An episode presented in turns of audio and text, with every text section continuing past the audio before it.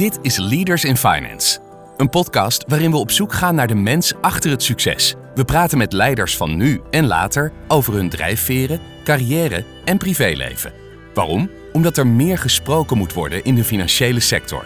We willen de partners van deze podcast hartelijk bedanken voor hun steun. Dat zijn Kayak, EY, Otters Berndsen Executive Search en Roland Berger.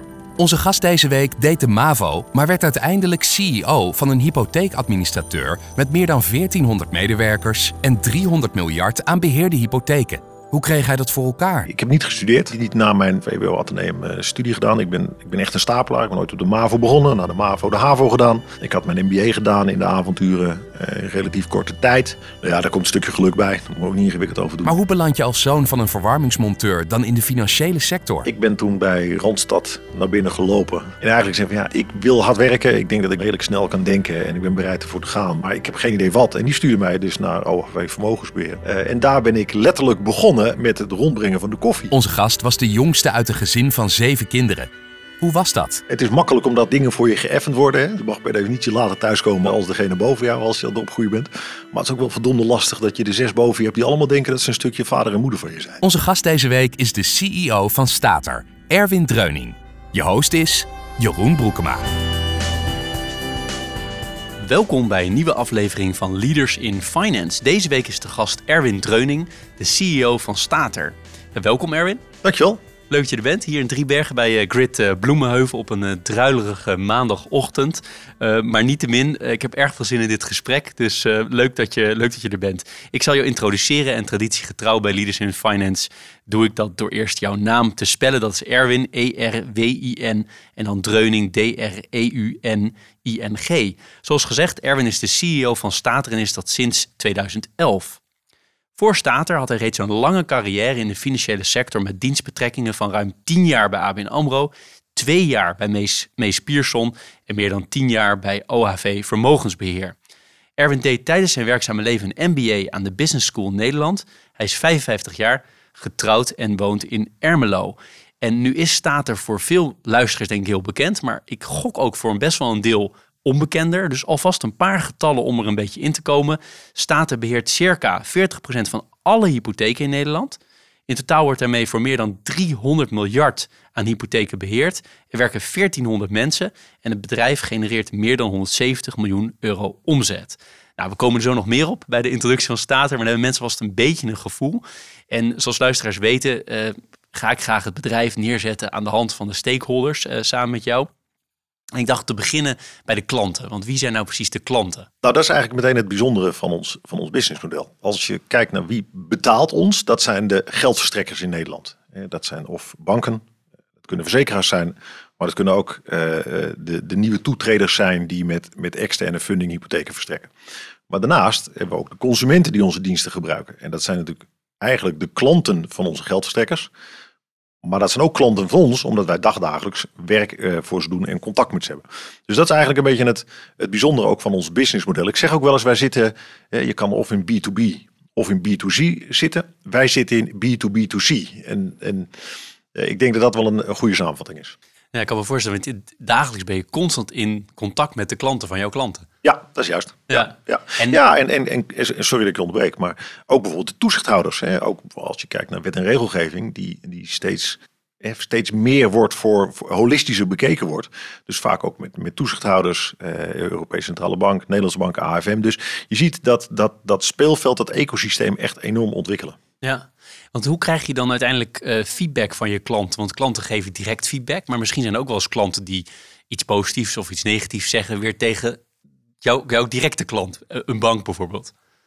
Uh, ja, dus juist. Nou, we hebben uiteraard al staat er onze, onze reguliere klanttevredenheidsonderzoeken. Um, is, is dat een momentopname? Dus dan moet ook altijd even, even, even wat, wat nuance aanbrengen. Daarnaast vind ik het oprecht heel belangrijk dat ik als CEO, maar überhaupt al mijn directeuren zeer regelmatig met klanten spreken. Dat, dat is echt iets waar ik in 2011 mee begonnen ben. Ik wil echt iedere week uh, minimaal één, maar vaak wel twee klanten spreken. En dat vind ik voor mijn directeur ook, uh, ook relevant. Um, wij hebben ook de mogelijkheid om, om rechtstreeks contact met te ondernemen. Wij hebben ook bijvoorbeeld van alle directeuren de e-mailadres op onze website staan. Dat, dat, toen ik dat geïntroduceerd heb in 2013, 14, werd daar vrij, nou ja, een beetje, een beetje op gereageerd van god, moeten we dat wel doen? Maar ja, ik, vergelijk mezelf als ik bij Ziggo of bij, eh, bij KPN of, of elders uh, in, in, in het woud terechtkom waar ik niet terecht wil komen, uh, dan wil ik eens een keer wil ik de mogelijkheid hebben om te zeggen, ja, maar, weten jullie dit? Um, daar wordt ook regelmatig gebruik van gemaakt. En, als dat plaatsvindt, dan krijgt iemand ook echt zelf antwoord, antwoord van de directeur in kwestie. Hè. Die, die, die lost het niet zelf op, want die gaat niet het pand doorschokken, maar die zorgt wel dat hij daar, daar in de lied blijft.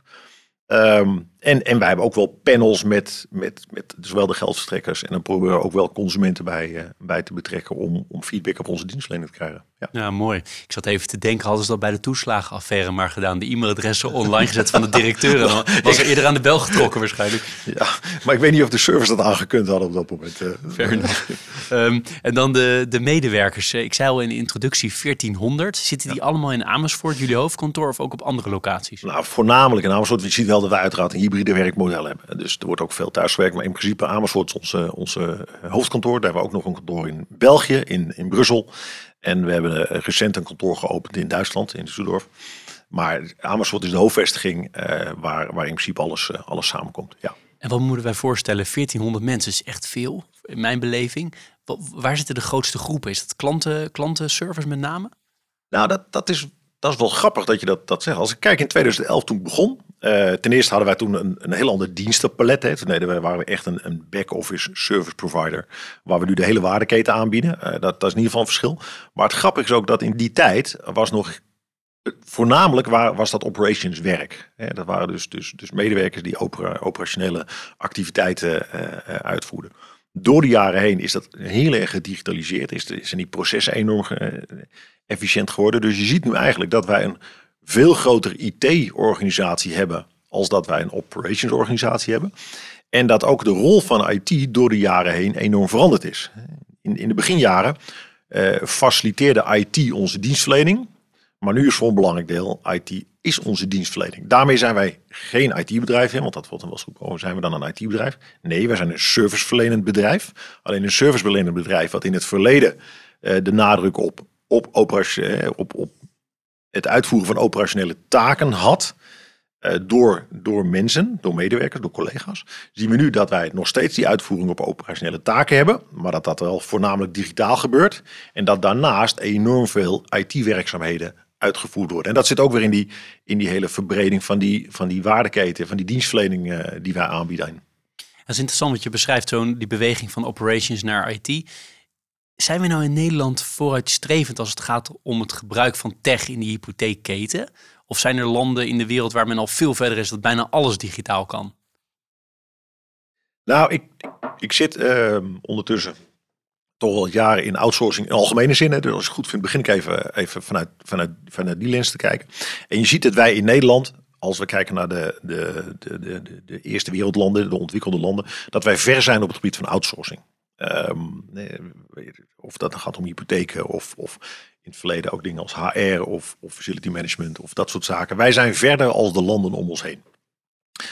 Um, als ik dat vergelijk in Europa, is dat zeker als ik kijk naar financiële dienstverlening, zijn we in Nederland echt, echt een stap verder als dat de landen uh, om ons heen zijn. Uh, uh, het, het, model wat wij hebben in hypotheken met, met externe service providers, of dat wij nu zijn, of onze, onze concurrent, dat laat ik even, dat, dat is even geen dat is, even irrelevant. Dat zie je in een land om ons heen nog nauwelijks omdat de landen om ons heen gewoon dan wel uh, op het gebied van arbeidsrecht een, een, een andere, gewoon een andere uh, situatie hebben. Uh, cultureel, hè, in, in, in, bijvoorbeeld in, in Duitsland of in Frankrijk zie je dat het, het, het alles, alles zelf doen is echt nog wel een ding. Daar zijn we in Nederland anders in. Maar je gaf aan van joh, in de wereld. En dan, vind ik, dan wordt het ingewikkelder voor mij. Omdat je namelijk ziet dat er een aantal landen in de wereld zijn die in één keer de stap gemaakt hebben van, naar, een, naar een ontwikkeld land. En daarmee zijn maar even die traditionele infrastructuur die wij wel hebben, hè, die gewoon stap voor stap gegroeid is, die hebben zij overgeslagen. En een mooi voorbeeld vind ik bijvoorbeeld, uh, bijvoorbeeld mobiel bankieren. Ja, er zijn een aantal plekken in de wereld, en dat is niet, niet geografisch dichtbij, hè, maar er zijn een aantal plekken in de wereld Waar, waar je gewoon ziet dat ze dat traditionele banksysteem zoals wij dat tot 15 jaar geleden hadden, nooit gehad hebben. Maar nu in één keer die stap naar, naar, naar mobiel bankier hebben gemaakt of naar digitaal aan het maken zijn. En dat is ook wel weer waanzinnig mooi om te zien. En daar kunnen we ook weer heel veel van leren.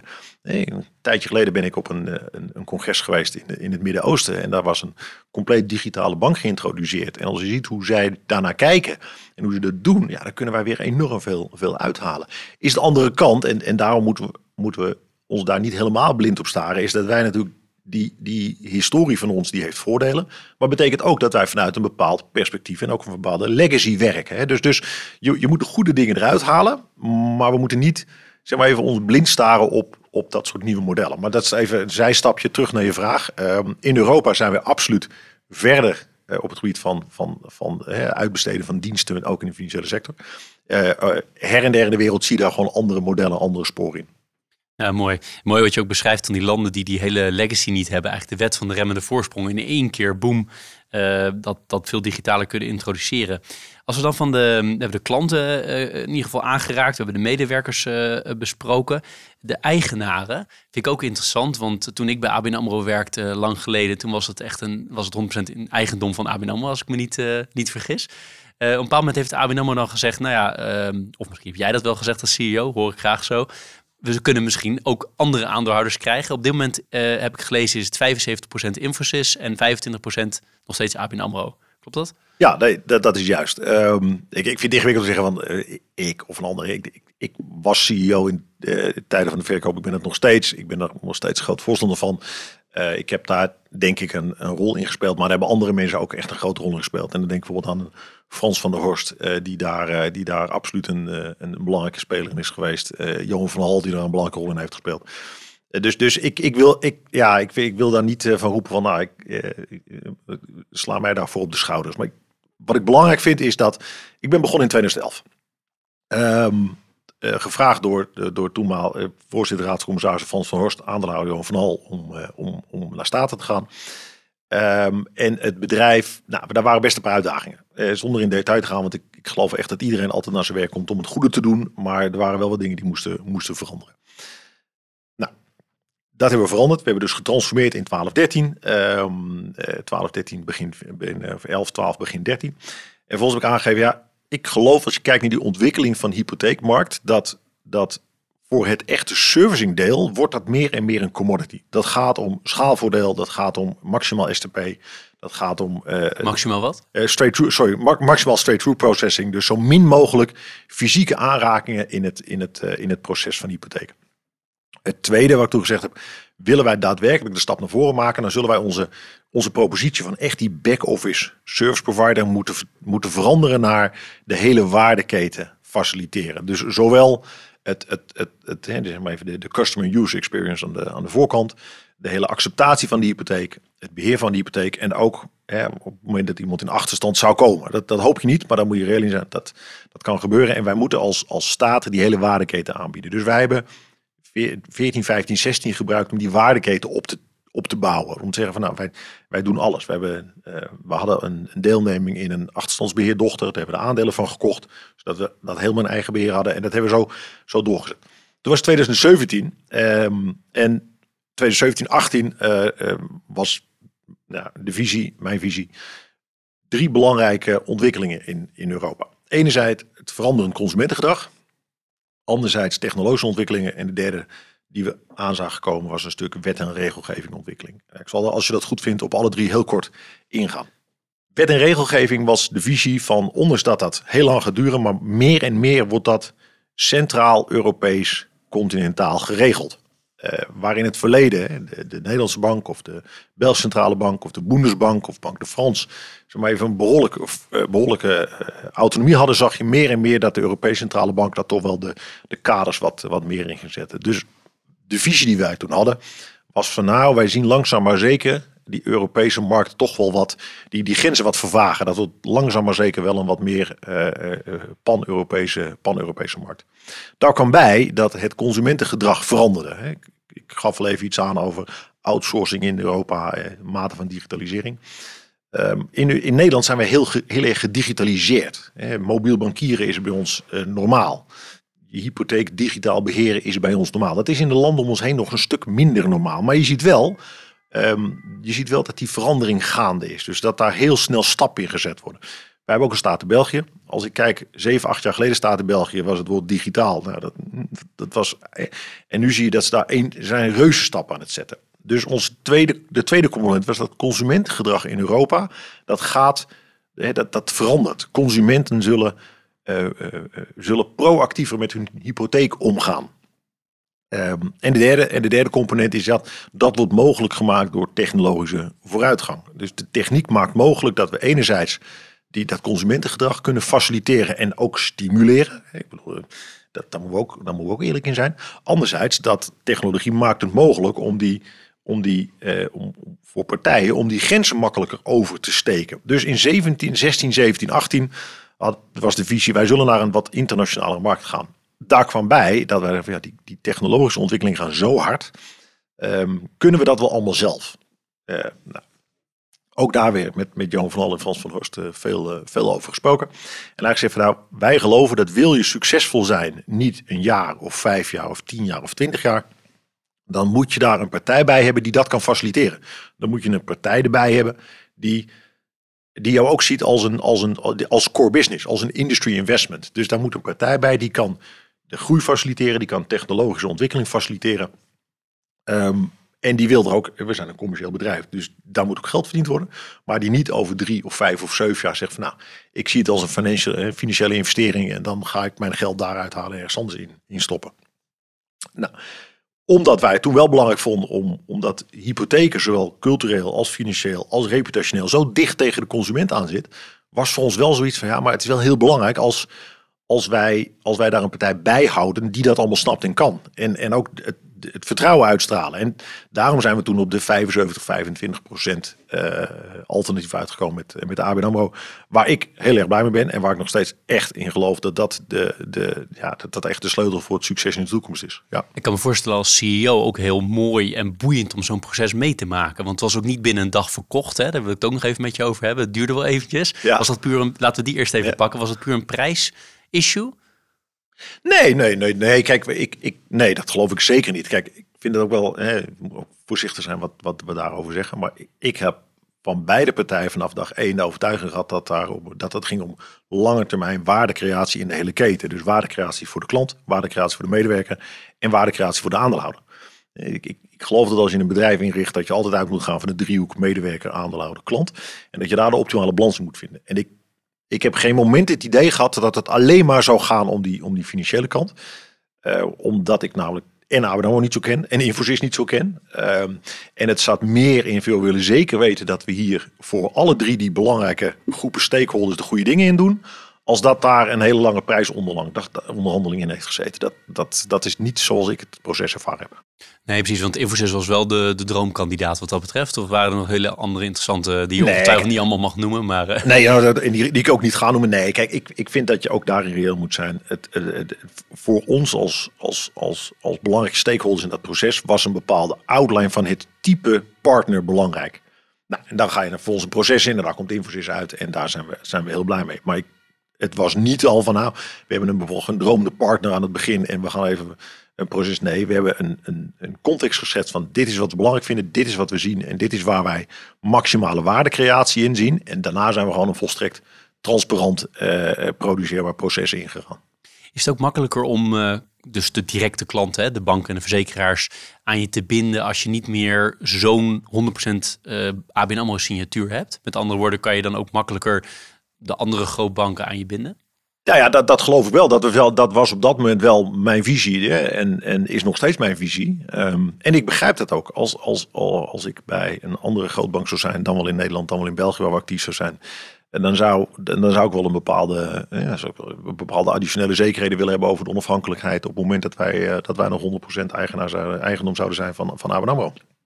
Uh, andere kant is, er moet ook reëel in zijn. We zijn nu drie eigenaar van, van, van, van uh, uh, of tenminste, uh, Infosys is drie jaar meerderheidsaandeelhouder. En ja, weet je, de, de groei die wij, die wij hoopten, die hebben we nog niet gezien. Hè. Ook daar wil ik eerlijk in zijn. Maar ik geloof nog steeds dat als een situatie zich voordoet dat er substantiële partijen um, dit, dit overwegen, dat het feit dat, dat, dat wij de duale aandeelhouderschap hebben van ABN AMRO en Infosys, absoluut een enorme toegevoegde waarde is.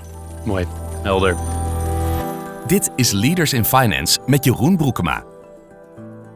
Dan nog andere stakeholders die ik heb opgeschreven. Is, je hebt de toezichthouder al een aantal keer genoemd. Staan jullie nou onder direct toezicht of gaat het altijd via de, jullie klanten toezichts?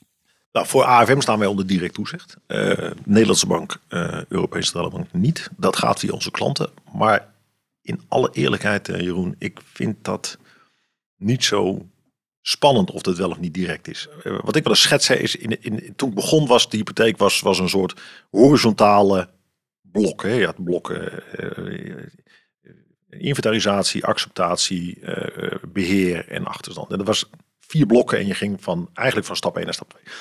Mijn, mijn visie is dat die, die, die, die horizontale lijn meer een verticale lijn is geworden. En dat het product zodanig actief is geworden dat ook mensen in de beheerfase dagdagelijks met een hypotheek bezig zijn. En daar komt bij dat een toezichthouder steeds meer regels en, en, en verplichtingen gewoon door de hele keten laat zakken. Dus niet zeggen van nou, hè, uh, geldverstrekker, u heeft, u heeft het op orde. Wat er daarna gebeurt, ja, dat, dat is dan dat is het pakje aan van de, van de, de, de, de, de vendor. Nee, dat, dat wordt echt gezien als een, als een, als een een, een, keten die, die, door naar beneden zakt. En daarom voelen wij ons gewoon echt verantwoordelijk voor het totaalpakket. En wij ook niet in de zin van, ja, wij staan niet onder toezicht van DNB dus. Nee, dat, dat is zowel juridisch niet meer mogelijk, maar ook moreel is dat gewoon niet zoals wij dat, zoals wij dat zien. Nee, dus wat ik nog even probeer te begrijpen, heel praktisch. Hè? Als nou um, er een vraag komt vanuit DNB naar jouw klant, laten we zeggen bank X dan uiteindelijk gaat die bank weer naar jullie toe om te vragen hoe zit het eigenlijk? Want in sommige gevallen hebben jullie zo'n beetje alles doen jullie rondom de hypotheek, behalve het leven van het geld? Want zover ik weet, financieren jullie zelf niet. Uh, dus hoe werkt het dan in de praktijk? Nou, ik kan je, ik kan je een praktisch voorbeeld geven. Dat een jaar of tweeënhalf geleden waren wij in, eh, gesprek met een, een prospect. En daar was het beroemde right to audit. Dat, dat was een wet- en regelgevingsstukje vanuit de Nederlandse bank. Waaraan die bank moest voldoen. Um, en dat was toen net aan het veranderen. Die hele wet en regelgeving was het veranderen. Um, wij hebben toen gezegd van nou, laten we nou zelf eens kijken of we met de Nederlandse bank kunnen praten en tot een bepaalde vorm kunnen komen die voor alle banken werkbaar is, zodat het voor iedereen um, nou ja, efficiënter is en voor de Nederlandse bank ook efficiënter, efficiënter is. Um, en toen hebben wij dus gezamenlijk met die, met die prospect uh, zijn we, hebben we op, uh, opgetrokken richting de Nederlandse bank, uh, constitutieve houding van de Nederlandse bank gezien, constitutieve houding van de geldverstrekker. Wij eigenlijk zijn maar even een beetje over onze schaduw van ja, wij vallen niet onder toezicht van DNB heen gestapt met als gevolg dat ik denk dat dat voor heel veel partijen een, een, een efficiënter, sneller proces heeft, eh, heeft op, op, uh, opgeleverd. Helder. Dan de, de laatste twee die ik heb opgeschreven zijn samenleving en uh, concurrenten. Misschien eerst die concurrenten. Hoeven ze niet uh, bij naam te gaan noemen. We, we, kennen ze allebei, denk ik. Maar waar het mij om gaat is van, zit de concurrentie nou vooral bij partijen die nou ja, nagenoeg hetzelfde doen als wat jullie doen? Je hebt natuurlijk allemaal je eigen specialiteit en zo, dat snap ik. Of zit de concurrentie meer bij partijen zoals jullie aandeelhouder? Zeg maar de, meer de, vanuit de tech en de IT-kant uh, gedreven. Hoe moet ik dat zien? Nou, ik denk dat daar een enorme verandering aan het gaan is. Um, als, ik, als ik weer even terug ga in de, tot toch een jaar of vier, vijf geleden, was, was onze concurrent waren, eh, of partijen die het nog zelf deden. Hè, laat, dus denk ik ook een belangrijk, belangrijk alternatief voor geldverstrekkers. Uh, en de inderdaad bekende namen die we beide kennen. Um, je ziet dat dat daar wel wat, wat dingen in aan het bewegen zijn. En dat die, die, hele, uh, die, die, hele platformbusiness, zoals dat dan met een mooi woord wel eens genoemd wordt, uh, meer en meer de aandacht krijgt, ook van de grote internationale partijen, die daar gewoon enorm op kunnen investeren. Dus je ziet dat concurrentiespeelveld in, in drie, vier tijd echt enorm, enorm veranderen. Waar, in het verleden was duidelijk, er ging een tender de deur uit. En die tender uh, wisten we allemaal bij wie die terecht kwam. Uh, en we, en nou, dan waren we op feesten partijen liepen een beetje met een bocht om elkaar heen. We wisten allemaal dat wij, dat wij dezelfde formulieren hadden binnengekregen. Nu, als het een echt een grote partij is, dan worden daar ook gewoon grote buitenlandse IT en, en, en platformbedrijven bij, bij betrokken. Dus je ziet het speelveld, dat concurrentiespeelveld heel erg veranderen. En dat heeft ook weer te maken met die, met die het ontstaan van die Europese markt. Kijk, die Nederlandse markt, die was tot een paar jaar geleden, die was verdeeld, die was vergeven en die was eigenlijk niet meer interessant voor de echt grote partijen uit het buitenland. Of het dan een Infosys of je hebt een, of een TCS. Of nou, gaat het hele rijtje maar af die we ook allemaal, allemaal kennen. Ondertussen zie je dat dat buitenlandse partijen interesse krijgen in de Nederlandse markt, Nederlandse partijen interesse in de buitenlandse markt. En dat je meer en meer daar ook weer die schaal, dat, dat, dat, marktpotentieel is veel groter geworden. En daarmee ook de interesse, eh, daarmee is ook de interesse gewekt van de grote internationale, internationale partijen. Maar ook de, eh, het zelf doen is ook nog een, een, belangrijke, een belangrijke concurrent. Nee, snap ik. Helemaal helder. En die schaalvergroting die gaat dus gewoon nog door als ik jou zo beluister. Hè? Er wordt gewoon, wordt waarschijnlijk nog groter. Nou, voor, ten aanzien van, van het daadwerkelijke servicingdeel geloof ik echt dat dat een, uh, een soort utility is. Hè? De, de, het servicen van hypotheken, het onderscheidend vermogen erin, dat beperkt. Daar ben ik echt 100%, uh, 100% zeker van. Dus dat wordt echt een kwestie van schaal. Maximaal digitaal. Um, dus ja, dat, dat geloof ik zeker. Daar zitten wel een aantal dingen omheen die, waar je mee kan onderscheiden. Waar ook weer die schaal in mijn, belangrijke, in mijn beleving belangrijk is. Als je het hebt over data, als je bijvoorbeeld hebt over voorspellende waardes. Eh, als je het hebt over nou, wet en regelgeving die steeds complexer wordt, steeds vergaander wordt. En daarmee ook steeds duurder wordt. Ja, hoe, hoe groter je schaal in de, in de servicingomgeving is, hoe goedkoper je dat kan doen. Als, als ik nu kijk wat wij aan, aan, aan wet en regelgeving uitgeven, procentueel op onze totale change, ja, dat is, dat is marginaal. Jeroen, dat is echt marginaal. En, en, en dat is wel, dat kan alleen maar omdat wij zo'n enorme schaal hebben. Ja, nee, duidelijk. Wat ik interessant vind om ook nog even met je te bespreken, meer aan de stakeholder kant samenleving. Ik zat zo te denken in voorbereiding op dit gesprek. Uh, zo rond de 40% van alle hypotheken in Nederland is nogal wat. Hè. Dat, is het, dat gaat indirect eigenlijk over heel veel huishoudens, heel veel levens, want je huis is de basis. Het zijn allemaal de hypotheken die eronder liggen. Is het niet heel risicovol vanuit cyber attack. Jullie worden aangevallen en half Nederland kan niet meer bij zijn hypotheek gegeven. Wil, wil je dat ik vannacht slecht slaap of zo, Jeroen? Sorry. nee, ja, je, hebt, je hebt gelijk. Maar dat was ook voor, voor ons weer een reden om een partij erbij te zoeken.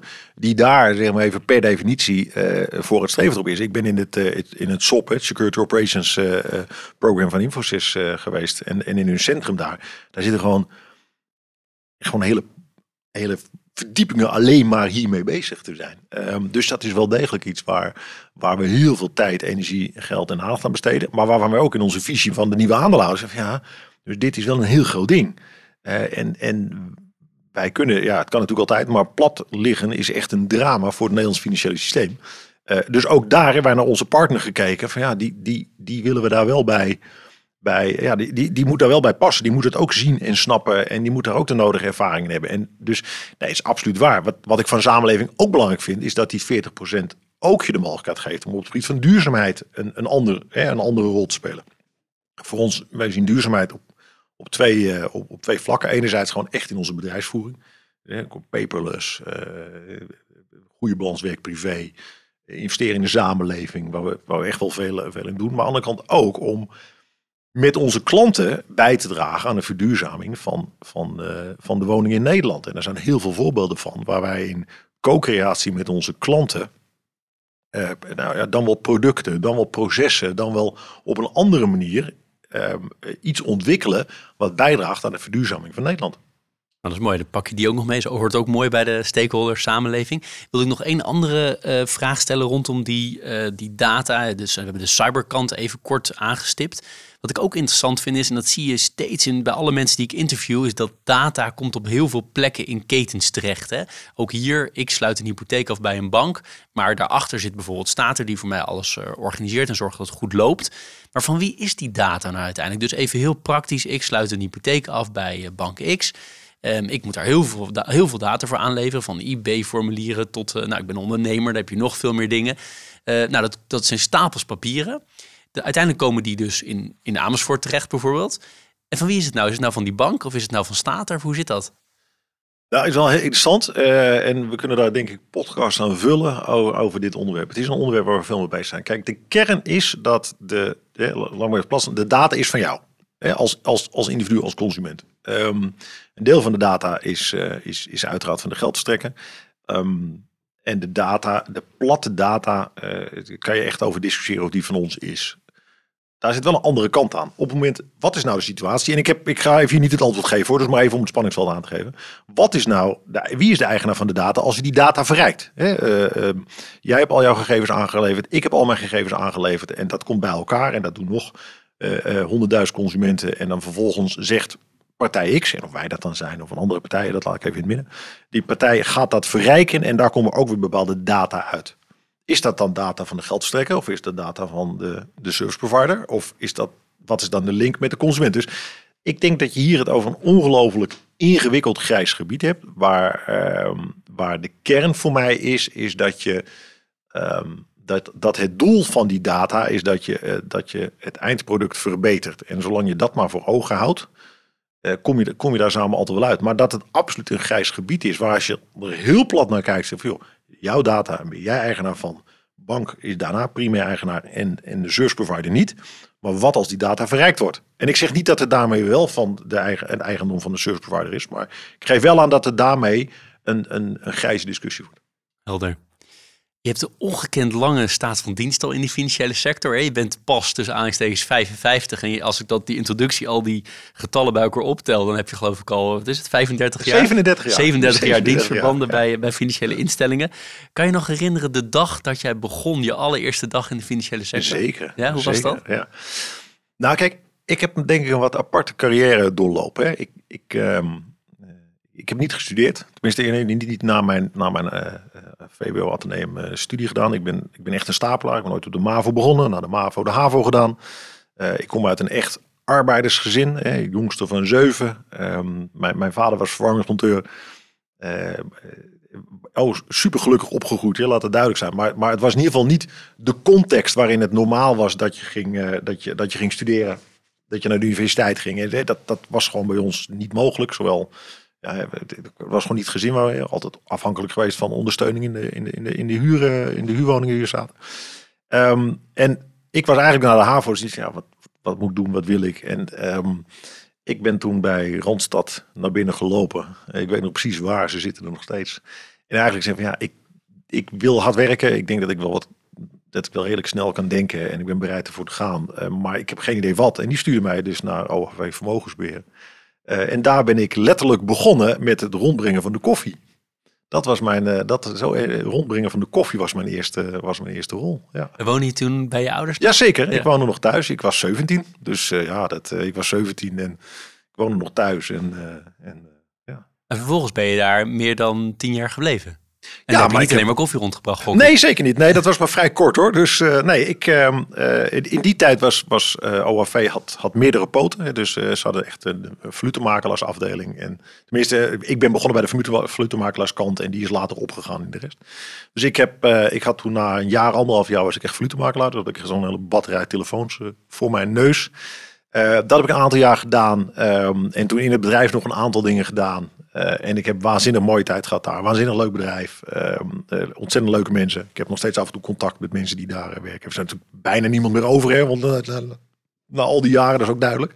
Ehm, maar goed, in, in, in 98, na, na 11 jaar, 12 jaar ehm OAV, zoiets van ja, wat wil ik? En ook wel zoiets van ja, kijk, ik, het is een klein bedrijf. Dus, dus de, ja, wat, hoe, hoe ziet dan je carrièrepad eruit?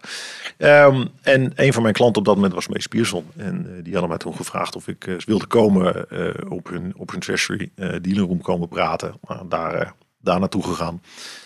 Ook echt leuke hulp geleerd in twee jaar tijd. Echt, met name ook hoe, hoe werkt nou een, een bank, hè, de andere kant.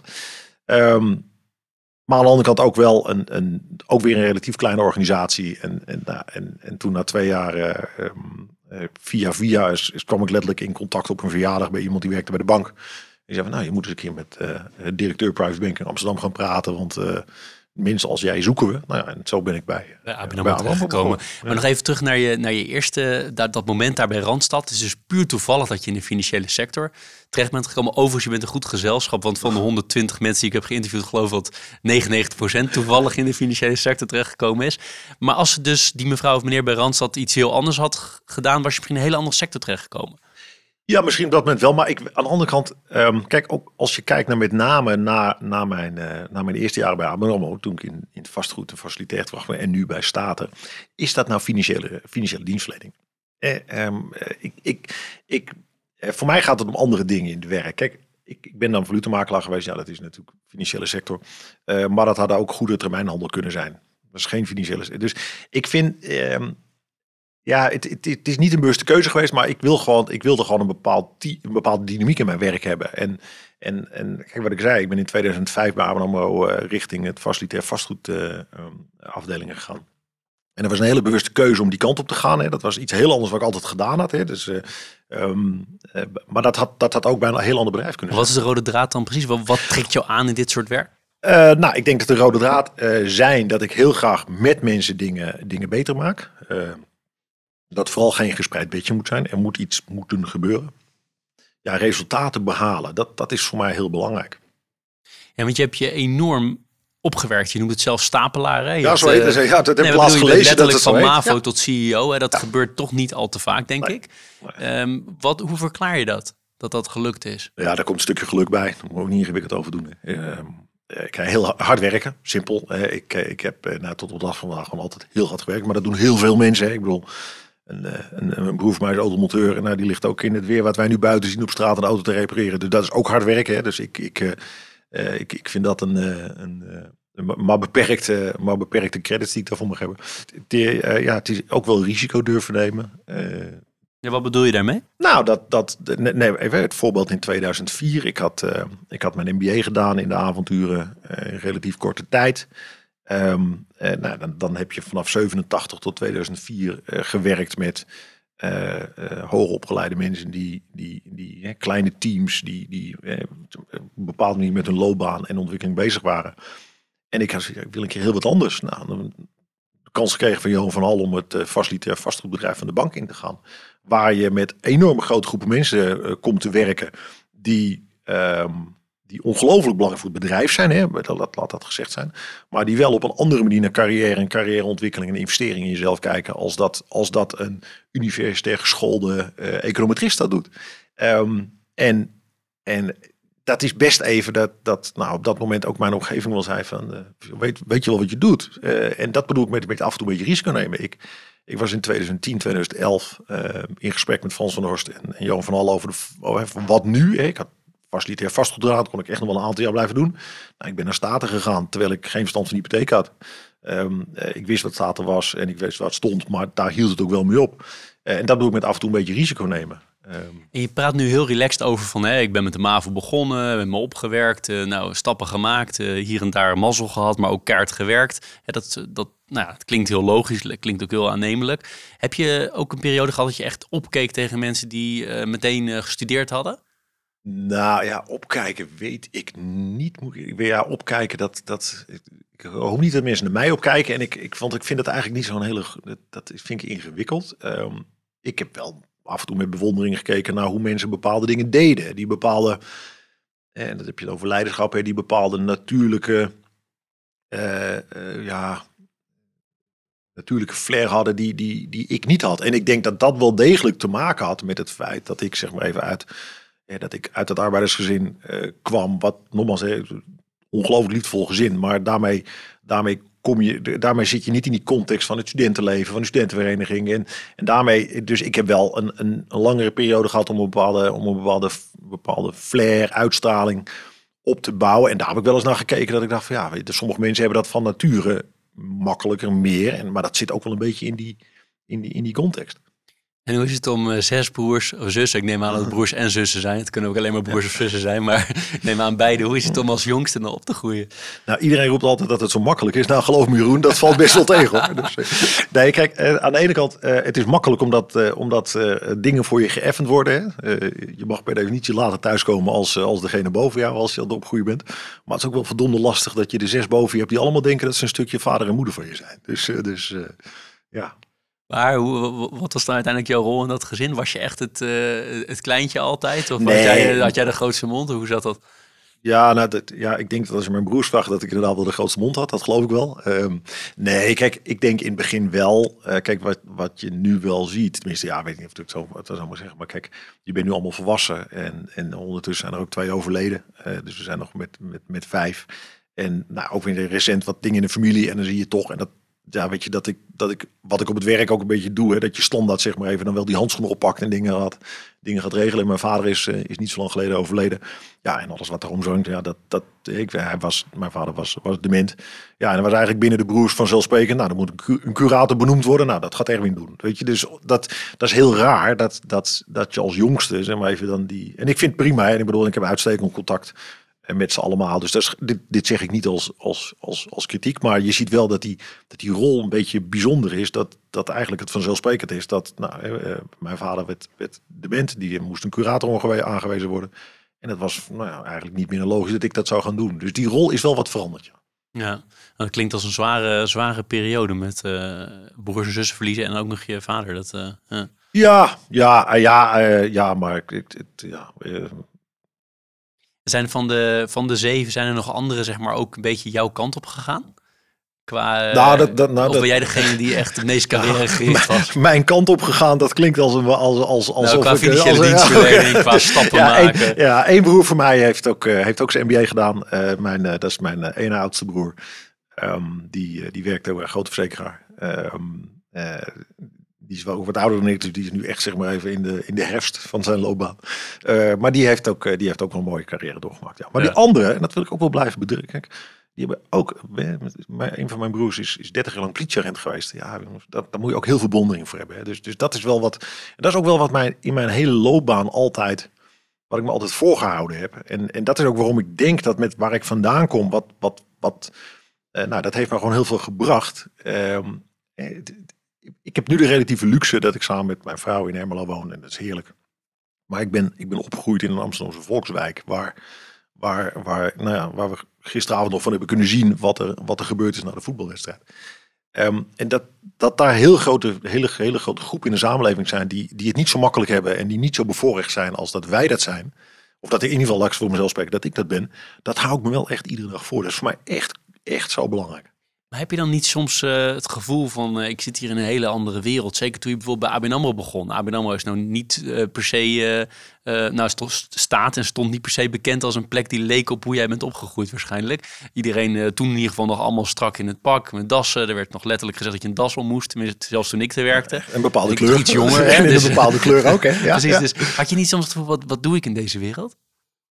Ja, zeker. Tuurlijk heb je dat. Um, zeker in de beginjaren. Um, andere kant is dat ik, dat ik me altijd vastgehouden heb en ik blijf bij mezelf. Ik blijf uh, mijn eigen moreel kompas en normen en waarden uh, blijf ik volgen. En ik heb er ook weer veel van geleerd, veel kansen van gehad. En je ziet het ook wel snel veranderen. Je, dit, ook dat is allemaal wel veranderd. Ja, duidelijk. Leaders in Finance met Jeroen Broekema.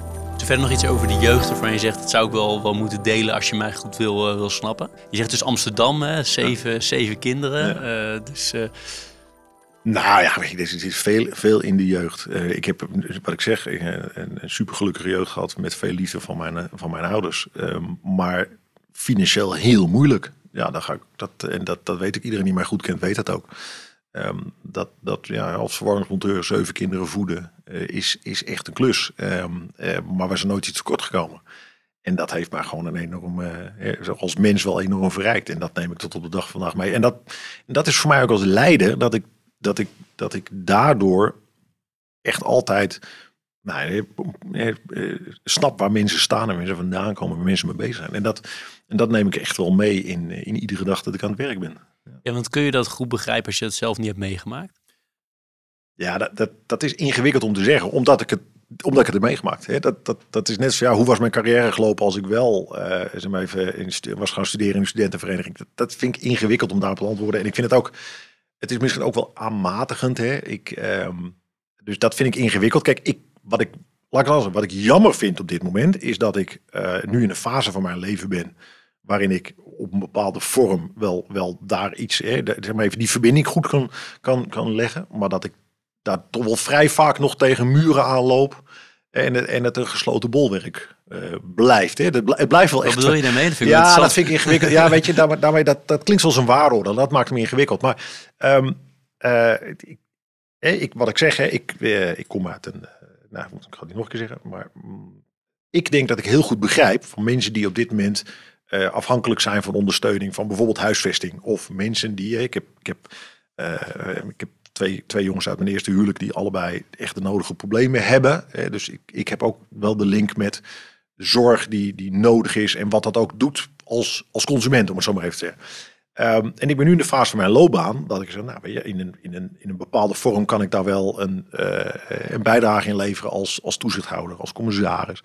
En dan, en dan merk je, en dan merk je dat als je daarmee aan de gang gaat, dat het wel twee hele gescheiden werelden blijven. Want dan kom je toch wel uit die financiële dienstverlening. En dan willen we toch wel graag iemand die.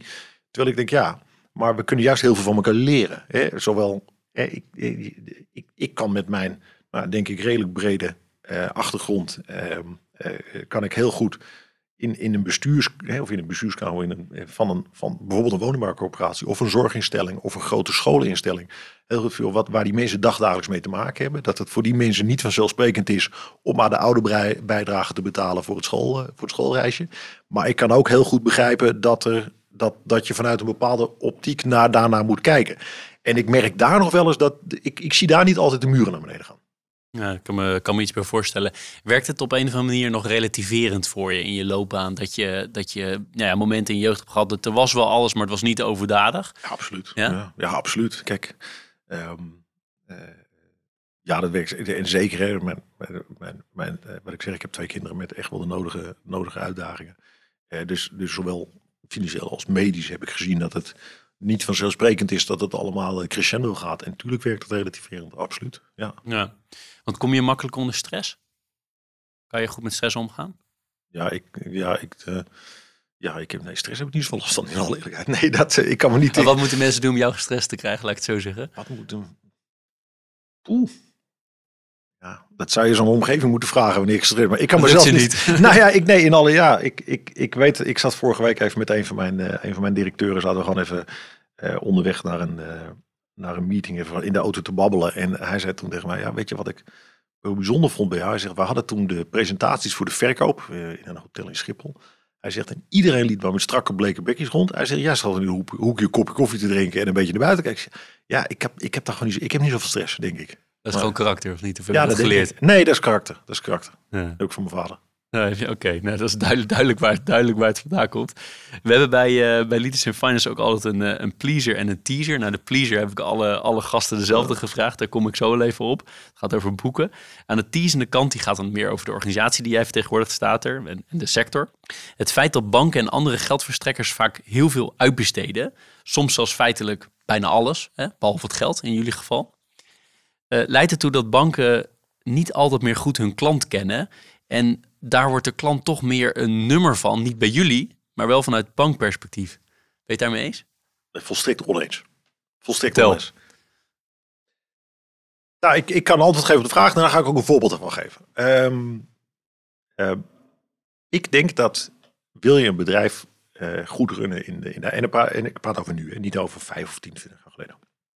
Dan moet je, tenminste dan heeft het het meeste waarde als je partijen gebruikt waar ze goed in zijn. Je moet niet denken dat je alles zelf goed kan doen. Je moet daar partijen bij zoeken die jou optimaal kunnen faciliteren in jouw einddoel. En jouw einddoel is het bedienen van die, eh, bedienen van die klant, tevreden klant en daarmee eh, financiële eh, compensatie krijgen. Eh, genoeg doen. Winst, winst maken, plat. Um, op het moment dat jij daar specialisten bij zoekt die dingen goed kunnen, ben je veel beter in staat om maatwerk naar je klant te leveren. En je op datgene te focussen waar je echt voor bent.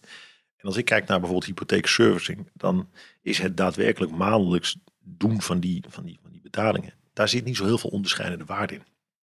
Dus, dan moet je ook, dus daar gaat het feitelijk om snelheid, om, om, om kosten.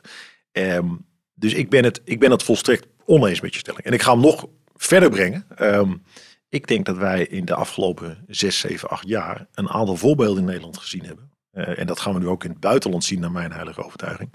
Dat juist partijen die datgene doen waarvan je zegt, joh, die, dat die veel, dat die enorm klantgericht gepercipieerd worden, enorm veel waarde hebben kunnen toevoegen naar, naar, naar, hè, voor zichzelf en voor de klant.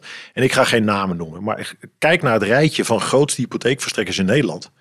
Um, en, en best gewaardeerde hypotheekverstrekkers, best gewaardeerd door de intermediaire kanaal of nieuwe producten, dat zijn vaak partijen die maximaal gebruik maken van externe partijen in die keten. Heb ik dan het gevoel als klant dat ik mijn hypotheek heb afgesloten bij die bank of eigenlijk bij jullie? Nou, het liefst heb ik dat jij dat uh, ervaart als om afgesloten bij die bank. Kijk, wij willen het succes van onze klanten faciliteren. Dat is in het begin van deze podcast zei van, veel mensen kennen staten, maar veel mensen kennen staten ook niet ik vind het helemaal niet erg als mensen ons niet kennen. Ik vind het veel belangrijker dat, dat de consument onze klanten kent en dat die hoog gewaardeerd worden. Dus ik wil niet dat mensen denken, ik heb een hypotheek bij Staten. Ik wil de mensen denken, ik heb een hypotheek bij partij X, Y, Z. En dat die daarna met ons samenwerkt voor zijn diensten. Dat, dat, is, dat is vers 2. Helder. Ja, je zei, ik vind het volstrekt onbelangrijk of we zichtbaar zijn. Maar je hebt in een van de interviews gezegd van, behalve als het gaat om recruitment. Dan was het wel fijn geweest als iedereen ons Nee, kent. maar dat is natuurlijk dat is de realiteit. Kijk, ehm, ik, ik vind dat wij een. Ik vind echt, en dat is natuurlijk als CEO kan je niet anders zeggen, maar ik vind het echt een gaaf bedrijf. Anders doe je het niet al bijna 12 jaar. Mm. Maar je moet ook reëel zijn. Als jij een hele slimme eh, afgestudeerde IT'er bent van de, van, van de universiteit eh, in Delft of in, waar dan ook. En je kan kiezen tussen Google, Microsoft, Amazon en Stater. Is de kans dat je de trein naar Amersfoort pakt niet zo heel groot. Ja, en dat mag ik dan niet. en dat mag ik dan niet zeggen en zo. Maar dat is natuurlijk de realiteit van alle dag. Ehm, terwijl als je kijkt naar wat je bij ons kan doen, wat je bij ons meemaakt, welke carrière mogelijkheden zijn, hoe wij samenwerken met het, een van de grootste IT-bedrijven ter wereld, die, die een, een, een opleidingscampus heeft waar, ja, echt in alle eerlijkheid, toen ik ben er geweest, daar kan je geen voorstelling bij maken. Ja, dan zou het toch wel wat lekker, dan zou het toch wel lekker zijn om daar iets meer aan onze recruitment PR, eh, eh, dat we daar iets meer baat van zouden hebben. Nou, we hebben meer dan 80.000 luisteraars per jaar, dus die horen dit ook allemaal. Dus dat kan geen kwaad. Aan de pleasende kant, eh, heb jij bepaalde boeken waarvan je zegt, die hebben mij echt geïnspireerd, of die geef ik wel eens, of dat heb ik met heel veel enthousiasme gelezen? Nou ja, ik, ik, ik, op managementboeken zijn er echt wel een aantal. Eh, wat, ik, wat ik ingewikkeld vind, hè, je hebt dan van die mensen die hebben dan zo'n zo'n zo'n bijbel. Hè, eh, zeven, zeven eigenschappen, effectief leiderschap is een van Good to Great van Collins. En, en daar ben ik iets minder van. Ik vind het mooie boeken, maar ik geloof dat iedere organisatie, iedere fase waar je in zit, heb, heb je een bepaalde stijl bij nodig. Ik vind bijvoorbeeld hè, eh, Geweldloos Communiceren van Rosenberg is een heel oud boek. Ik denk dat dat boek al Sorry, je zegt het heel snel. geweldloos, geweldloos communiceren van Rosenberg. Is een heel oud boek, misschien al 30 jaar oud is of zo. En dat vind ik zo gaaf om, om te lezen. Ehm, maar bijvoorbeeld bij een organisatieverandering, en dat is niet echt een boek, maar dat is een, een, een serie papers, vind ik, vind ik eh, Joe Santos, dat is een Braziliaanse professor, die, eh, die, die heel erg gelooft in, in, in organisatietransformatie vanuit boksen. Ja, dat vind ik, dat vind ik ongelooflijk gaaf om te lezen. Aan de andere kant, als je dus aan het opbouwen bent, bijvoorbeeld een Ecker's Notes. Ja, dat zijn, dat zijn Ook heel leuk. ja, dat vind ik, maar als ik dan bijvoorbeeld kijk naar, naar biografieën, en dat is weer een hele ander spectrum. Ik vind het biografie van Lee Iacocca, eh, voormalig eh, topman eh, Engelse, Amerikaanse auto-industrie. Ja, daar kan ik, daar kan ik gewoon, hè, dus de, de ontwerper van de Ford, eh, ooit, eh, van de Ford Mustang ooit. Ja, dat vind ik, dat, dus ik, ik zit er eigenlijk heel breed in. En, en ik zit meer te kijken naar, ja, voor iedere, op iedere fase van een organisatie moet je inspiratie eh, ergens vandaan halen. Leuk. En lees je ook zelf eh, voor privé, voor ontspanning? Ja, veel. Ja, ja. Ik, eh, ik, eh, ik, ik, zit regelmatig in een vliegtuig en ik, ik, in een vliegtuig probeer ik altijd een boek te lezen. En dat zit dan echt in de fictie. ehm, eh, ik vind Marco Connolly vind ik een interessante schrijver. David Baldacci. Dus, maar dat zijn eigenlijk meer de ja, die iedereen op vakantie of in het vliegtuig leest. En daar kan ik ook heerlijk van, van genieten. Leuk. En waar haal je je nieuws vandaan? Waar, wa- wat gebruik jij? Ik bedoel ik mee van lees je bepaalde kranten, bepaalde nieuwswebsites? Wat, wat Eh, resumeer je? Nou, ik, eh, ik sowieso iedere ochtend eh, luister ik eh, naar BNR in de auto. Dat vind ik echt, eh, dat, is, dat is voor mij wel een voorwaarde om even te weten wat er in de nacht gebeurd is. En verder, en dat klinkt misschien wat vreemd, maar verder lees ik een heel breed, lees ik heel bewust eh, breed kranten. Uiteraard lees ik Financieel Dagblad, eh, dat is natuurlijk logisch. Maar daarnaast lees ik kranten die volledig, eh, nou zeg maar, die wat meer aan het, aan het, aan het rechterspectrum zitten, maar ook kranten die aan het linkerspectrum zitten. Juist om, om, die, om, om, om wat breed georiënteerd te zijn. Dus ehm, ik heb op mijn telefoon nou, vele nieuwswebsites die ik allemaal bekijk. En daar probeer ik echt heel breed in te zijn. En ik heb sinds kort ook zo'n abonnementje die al die, die dingen bij elkaar zoekt voor mij. Eh, zodat ik dan, op een moment krijg ik dan een Volkskrant artikel. En op het andere moment krijg ik een AD artikel. En, eh, en dat vind ik, vind ik gewoon fijn. Omdat je daarmee heel veel inzichten krijgt. Helder. Wat doe je om, eh, om fit te blijven? Het is een drukke baan. Je, je zegt zelf, ik werk, eh, werk hard. Dat heb ik altijd gedaan. Wat, eh, wat doe je? Ik wandel veel met de hond. Dat vind ik heerlijke ontspanning. En ik, één keer in de week doe ik bodytech. En nu kijk je me aan met een blik van, wat is in godsnaam Klopt. bodytech? Geen idee. Nee. Nou, ik, ik heb eh, elf jaar geleden een hele zware operatie aan mijn knie gehad. Eh, en sindsdien eh, kan ik niet meer sporten, mag ik niet meer sporten. Maar ik heb altijd veel gesport. Dus ik zocht heel lang niet van wat kan ik nou doen. En ehm eh, bodytech is een, een, mag je 20 minuten doen. Dan krijg je een aantal elektrodes op je lichaam. En dan worden je spieren onder spanning gezet. En tegelijk doe je oefeningen onder begeleiding. En dat bevalt mij uitstekend. Want dat betekent dat ik mijn knie kan ontlasten, maar wel de rest van mijn lichaam kan belasten. Dat kan ik, iedereen, eh, kan ik iedereen aanraden. Ja, en dat gaat dus ook gewoon met die knieën. Ja, dat gaat uitstekend. Ja, nee, nee, vanavond mag ik weer. Ja, Maar dat doe je wel met een trainer of doe je dat ja alleen? met een trainer. Ja. Ja. nee, want jezelf onder stroom zetten lijkt me best. Nee, dat doet die trainer hoor. nee, die trainer die draait het knopje. Dus eh, Nee, ja. helder, Ja. helder. En wat, wat vind je verder leuk in eh, wat niet met werk te maken heeft? Ja, ik, ik kook graag eh, samen met, eh, met Petra, mijn vrouw. Ik vind het heerlijk om te koken. Ik heb eh, sinds een jaar een Big Green Egg. Dat zo'n grote groene, nou ja, onbeleefd barbecue. Ehm, eh, dus, dus dat is wel echt iets wat ik ontzettend, eh, ontzettend leuk vind. Ehm, ja, daar ben ik toch wel veel van de tijd aan kwijt, eh, denk ik. Ja, ik, ik ben gek op auto's. Niet om te hebben, maar gewoon om... om eh, ik vind het, Ja, dat heb je wel meegekregen in je jeugd, hè? ja, volgens mij. ja, dus, dus, dus, ja, dus ik, ja, dus dat, dat, is wel een beetje, dat is een beetje mijn hobby. Ja. En je bent in Amsterdam opgegroeid. Mis je het wel eens, Amsterdam? Ga je nog wel eens wonen, denk je? Dat Ermelo is wel echt wel heel anders. Nee, kijk, kijk het is eh 40 minuten met de trein, hè, dus het is niet de andere kant van de wereld. Eh, kijk, en, en ik heb tot twee jaar geleden daar gewoond, Ehm, maar ik vind het gewoon enorm veranderd. Eh, het, het, is, het, is nog wel zo, dat grappig. Ik was laatst met iemand Amsterdam in en, die, en we liepen het centraal uit. En ze zei ja, weet je, je, je, wel dat je thuis bent. Nou, dat klopt ook zo. Ik was, dat klopt ook. Ik was er vorige week nog eventjes zakelijk en dan merk ik even, ja, is wel een beetje mijn stad. Maar het is niet dat ik het mis en ik zie mezelf er ook niet meer wonen. En ik geloof ook niet dat ik Petra meekrijg. Hoor, mijn vrouw. Dat, eh, Dat gaat hem niet worden zo te horen. Nog even, ik ben even nieuwsgierig naar ben, een klein beetje naar de toekomst kijkende. Eh, je, je, je rol als CEO, executive, is zeg je van hierna zou ik het wel leuk vinden om meer non-executive rollen te doen of erbij te doen? Of zeg je nee, ik zou nog wel heel leuk vinden om nog één grote CEO-klus of andere C-level klus te doen bij een andere partij? Oeh, dat is een ingewikkelde vraag. Ik zou sowieso wel, wel, wel wat eh, non-executive klussen. Eén, met max, nou ja, één nu en misschien natuurlijk nog één erbij. Want ik wil wel de dingen die ik doe, wil ik goed doen. Hè. Ik wil niet, ik wil niet zo'n soort dingen aan elkaar rijgen. eh, dat zeker niet. Ik heb het volgens nog ontzettend naar mijn zin bij Staten. Eh, ik doe het nu twaalf jaar en eh, we zijn met ongelooflijk leuke dingen bezig. En daar wil ik me nu op focussen. Maar de andere kant is, dat moet ook reëel zijn. Niemand kan in de toekomst kijken. Eh, eh, dus, dus, Nee, maar als ik toch een beetje doorvraag, Ja, ja. even vanuitgaan dat het allemaal goed gaat met de gezondheid. En je, je wil gewoon misschien wel tot eh, 67 werken, dan heb je nog 12 jaar. Ik geloof niet dat je 12 jaar bij Staten nog gaat werken.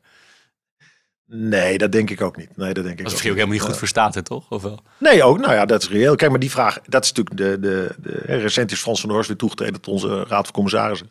Ehm, die mij ooit aangenomen heeft bij Stater. En dat is een van de dingen waar we in de eerste gesprek over gehad hebben. En, en toen kwam ook voor hè, onze conclusie van ja, maar ik zit wel twaalf jaar bij Stater, maar in vier verschillende rollen. Ehm, en en dat, dat betekent dat het prima is. Maar ik denk dat het op een gegeven moment ook wel goed is om, eh, om het stokje over te dragen. Ja, en het is een beetje afhankelijk van het momentum of ik mezelf dan nog een, eh, een fulltime job zie. Eh volgens nog zou ik voor mij de mooie balans zijn om iets van non-executive erbij te doen. Eentje ehm, en dan misschien over een jaar of twee nog eentje. Ehm, ik zie mezelf niet stoppen eh, over twee, drie jaar. Daar heb ik veel te veel energie voor, daar heb ik veel te veel eh, dynamiek voor. Eh, ik denk ook dat Petra binnen een half jaar gek van me wordt thuis. Dus, dus dat zie ik niet. De, de, de, een beetje de combinatie zou, zou voor mij over een aantal jaren, ik wil nu nog echt even door bij Staten, ehm, zou voor mij de ideale combinatie zijn. Laatste twee vragen. Eén heb ik iedereen gesteld, alle 100 en bijna 20. Heb je tips voor starters op de arbeidsmarkt? Misschien specifiek in de financiële sector, maar mag ook breder. Ik spreek wel regelmatig jonge mensen over hun loopbaan. Ehm, en wat je, wat je vaak ziet, tenminste, nee, laat ik zo, wat, ik, wat ik wel eens meemaak, is dat jonge mensen ik wil accountmanager worden, of ik wil beleggingsadviseur worden, of ik wil nou, eh, operation, operational manager worden. Ehm, en wat ik altijd tegen mensen zeg: van, benader het trouwens anders. Schrijf nou eens op, wat wil ik, wat vind ik leuk in werken en wat vind ik niet leuk.